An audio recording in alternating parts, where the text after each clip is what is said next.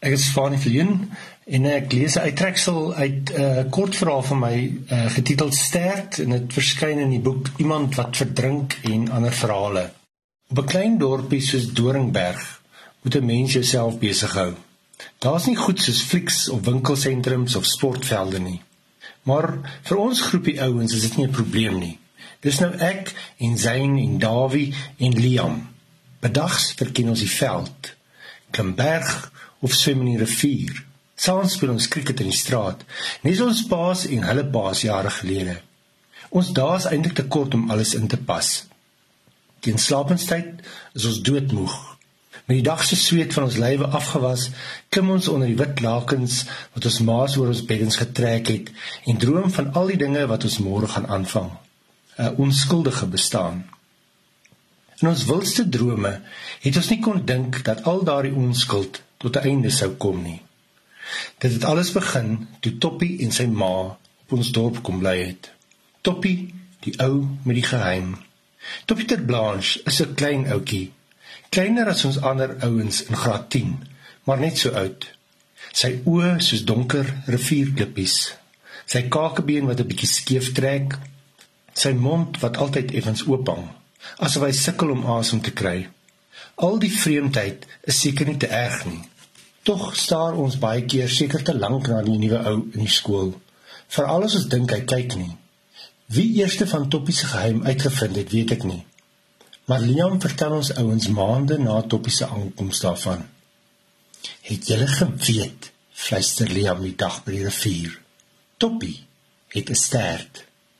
'n Wat? roep ek en snork hard soos ek lag. Syne en Dawie kan dit ook nie glo nie. Maar dit sit ons verbeelding behoorlik op loop. Kan dit wees? Jy lieg man, sê Zain uiteindelik. Zain is slim ou in die groep. Hy sal nog enige dokter of 'n ding word, sê almal. Daarom sal hy weet. Mense het nie sterkte nie. Ek dink Zain is reg, sê Dawie. Dawie is die ou wat nie vir homself kan dink nie. Hy stem gewoonlik met almal saam. Dit maak nie saak wie wat sê nie. Wat sê jy, JP? vra Zayn uiteindelik vir my. Ek laat sak my knipmes. Die stok wat ek skerp gemaak het ook. Ek hou my skouers op, te bang om 'n opinie te gee. Net as ek verkeerd. Maar Liam wil die ding nie los nie. Ek sê julle ouens, dis regtig so. Het julle nie gesien nie? Toppie dra altyd lang broeke.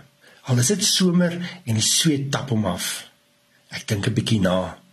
Dis waar. Toppie en sy ma is al hoe lank op die dorp. Nog nooit het ek hom in 'n kortbroek gesien nie. Maar hy loop altyd kaalvoet. Kan dit wees? Die gedagte bly by my spook. Ek wil my pa vra of mense sterkte kan hê. Maar ek weet wat sy reaksie sal wees. Hy sal my net kwaai aankyk. Ek moet nie met simpel stories na hom toe kom nie. As mense aan wel so iets kan hê, sal dit beslis uit die bose wees. En wat sal dit dan van Toppie sê? Die wonder oor Toppie se stert wil my egter nie los nie. Elke keer as ek hom sien, wonder ek oor die stert. Waar presies sal dit sit? Waar sal dit begin? Hier by die stuitjie? En hoe lank is dit? Wat 'n kleur. En het dit 'n tosseltjie soos 'n koei se stert? Is dit oortrek met hare? Kan dit waai soos 'n hond se of krul soos 'n kat se? Jy sou nee. Die gewonder oor Toppie se ster fascineer my. Nie eens sy vreemde gesig kan by die ster storie kom nie. Ek sal nou ook nie lieg nie. Ek wil Texels graag daardie ster sien. Almal wil dit sien. Dis hoekom ons Toppie so van agter af beloer. Dalk om te sien hoe die ster in die broekspyp afhang of so iets. 'n Mens sal mos iets kan sien as haar ster is. Tensy Toppie of sy ma die stert om sy lyf vasdraai sodat die mense dit juis nie kan sien nie. Daar gaan verby. Tog wil die nuuskierigheid oor stert net nie weggaan nie. Ek en die ouens praat en wonder baie keer daaroor. Uiteindelik kom die dag waarop ons uitvind. 'n Dag wat iets donkers binne in ons sou los. vir altyd. As jy wil weet of Toppie regtig gesterf het, lees die verhaal in Iemand wat verdrink en ander verhale